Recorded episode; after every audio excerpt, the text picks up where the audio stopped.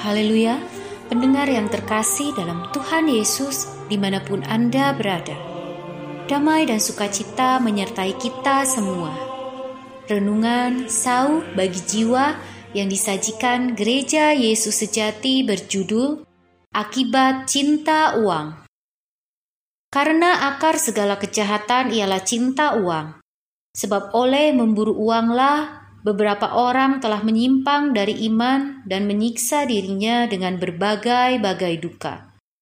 1 Timotius pasal 6 ayat 10 Yudas Iskariot, satu di antara dua belas rasul Yesus, menjual Yesus seharga 30 uang perak. Setelah Yesus dijatuhi hukuman, Yudas menyesal lalu mengembalikan 30 uang perak itu kepada imam kepala dan tua-tua. Namun mereka menolaknya dan menyuruh Yudas menanggung sendiri dosa pengkhianatan itu.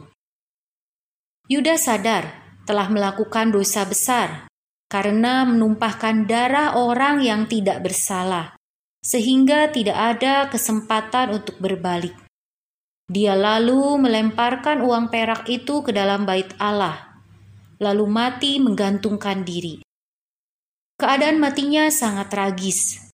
Ia jatuh tertelungkup dan perutnya terbelah sehingga semua isi perutnya tertumpah keluar. Allah melalui Nabi Elisa menyembuhkan penyakit kusta Panglima Naaman. Dia memohon dengan sangat agar Elisa menerima pemberian. Tetapi Elisa dengan tegas menolaknya. Gehazi, bujang Elisa, adalah seorang yang cinta uang. Setelah Naaman meninggalkan Elisa, dia mengejar Naaman dan dengan dusta dia mendapatkan pemberian dari Naaman. Ketika Gehazi kembali ke Elisa, Elisa segera membongkar dustanya dan mengutuk dia dan keturunan dia akan terkena penyakit kusta Naaman. Seketika itu juga Gehazi terkena kusta, putih seperti salju. Tetapi mereka yang ingin kaya terjatuh ke dalam pencobaan, ke dalam jerat dan ke dalam berbagai-bagai nafsu yang hampa dan yang mencelakakan yang menenggelamkan manusia ke dalam keruntuhan dan kebinasaan. 1 Timotius pasal 6 ayat 9 Yudas yang cinta uang akhirnya mati gantung diri. Gehazi tamak akan uang akhirnya terkutuk kena kusta. Akibat cinta uang dari kedua orang ini patut menjadi peringatan bagi kita hari ini. Memang, uang tidak bisa berbuat segalanya. Tetapi tanpa uang, banyak hal tidak bisa diperbuat. Setiap orang perlu mencari uang untuk menghidupkan diri dan keluarganya. Yang penting adalah punya uang cukup.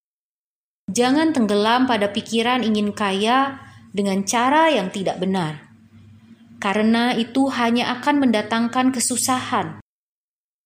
Memang, Ibadah itu kalau disertai rasa cukup memberi keuntungan besar. Sebab kita tidak membawa sesuatu apa ke dalam dunia dan kita pun tidak dapat membawa apa-apa keluar. Asal ada makanan dan pakaian cukuplah.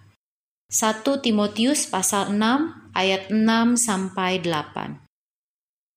Berapa banyak orang di dunia ini karena ingin kaya lalu terjerat penyimpangan dari kebenaran, dan hancur dalam berbagai kesusahan. Jauh dari sukacita dan damai sejahtera yang berasal dari Allah. Bila engkau mencintai uang, engkau akan kehilangan berkat dan kekuatan dari Allah. Sejak itu, engkau tidak lagi bisa khotbah tentang kebenaran, tidak lagi bisa berhasil dalam pekerjaan kudus, Hendaklah kita belajar pada Elisa yang bekerja untuk Tuhan bukan karena didorong motivasi mendapatkan uang, maka pasti berhasil menjadi hamba Allah yang diberkati. Tuhan Yesus menyertai kita semua. Amin.